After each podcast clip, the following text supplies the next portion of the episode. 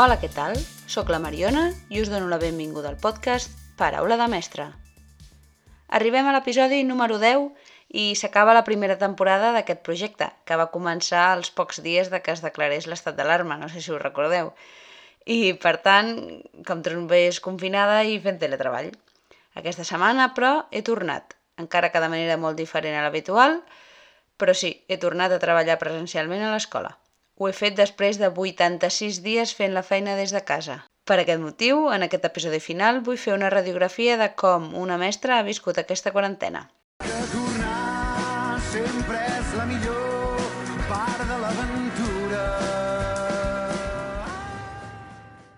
Primer de tot, m'agradaria que féssiu un exercici, que penséssiu com podríeu a terme la feina de mestre d'infantil de manera virtual. Una de les parts més importants de la meva tasca és acompanyar els infants, observar-los, potenciant el seu desenvolupament. Bàsicament, ser-hi present i aconseguir connectar amb ells perquè se sentin segurs al meu costat i d'aquesta manera poder comptar amb mi pel que necessitin. Ja em perdonareu, però que aprenguin a fer el número 3 o que identifiquin totes les lletres del seu nom no és el més prioritari.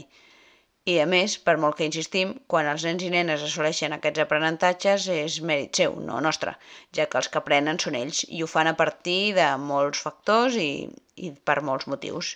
L'entorn, l'estat anímic, la família, l'escola, els amics, les seves capacitats, les seves motivacions...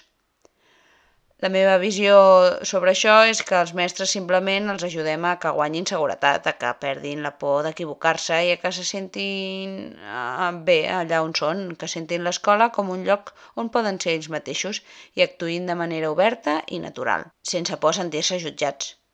Un cop s'aconsegueix aquest entorn, aquest ambient favorable, els infants és quan poden mostrar totes les seves potencialitats. Tot això ho dic perquè pel que he dit abans. Ara imagineu que heu de fer tot això que he dit anteriorment a través d'una pantalla, sense contacte físic. Ha estat molt difícil. Una videotrucada no permet connectar de veritat amb els infants. A més, a molts d'ells no els hi venia ni de gust connectar-se. Normal. Probablement han acabat saturats, la majoria d'ells.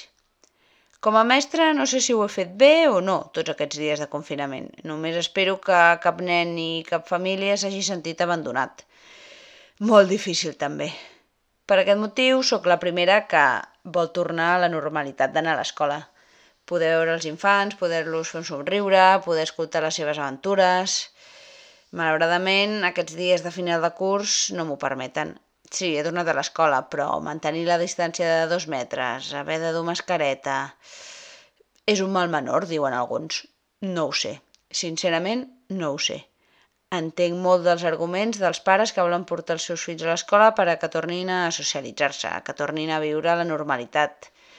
De veritat, no deu haver sigut gens fàcil tenir fills en confinament. Repeteixo, no deu haver sigut gens fàcil tenir fills en confinament, i ho entenc perfectament, però també crec que de normal no té res aquesta tornada a l'escola abans de, de les vacances. És necessari tornar en aquestes condicions? És bo pels alumnes? O és contraproduent? Tampoc ho sé. Com que per sort o per desgràcia jo no decideixo res d'això, faig tot el que està a les meves mans per ajudar, per acollir de la millor manera els alumnes, els poquets que han vingut a l'escola aquests dies. 86 dies després he tornat a entrar a la classe de P3. La meva sensació, la, el meu primer moment va ser molt estrany. Però bé, ha anat bé per conscienciar-me que quan tornem al setembre res serà igual. No serà com abans.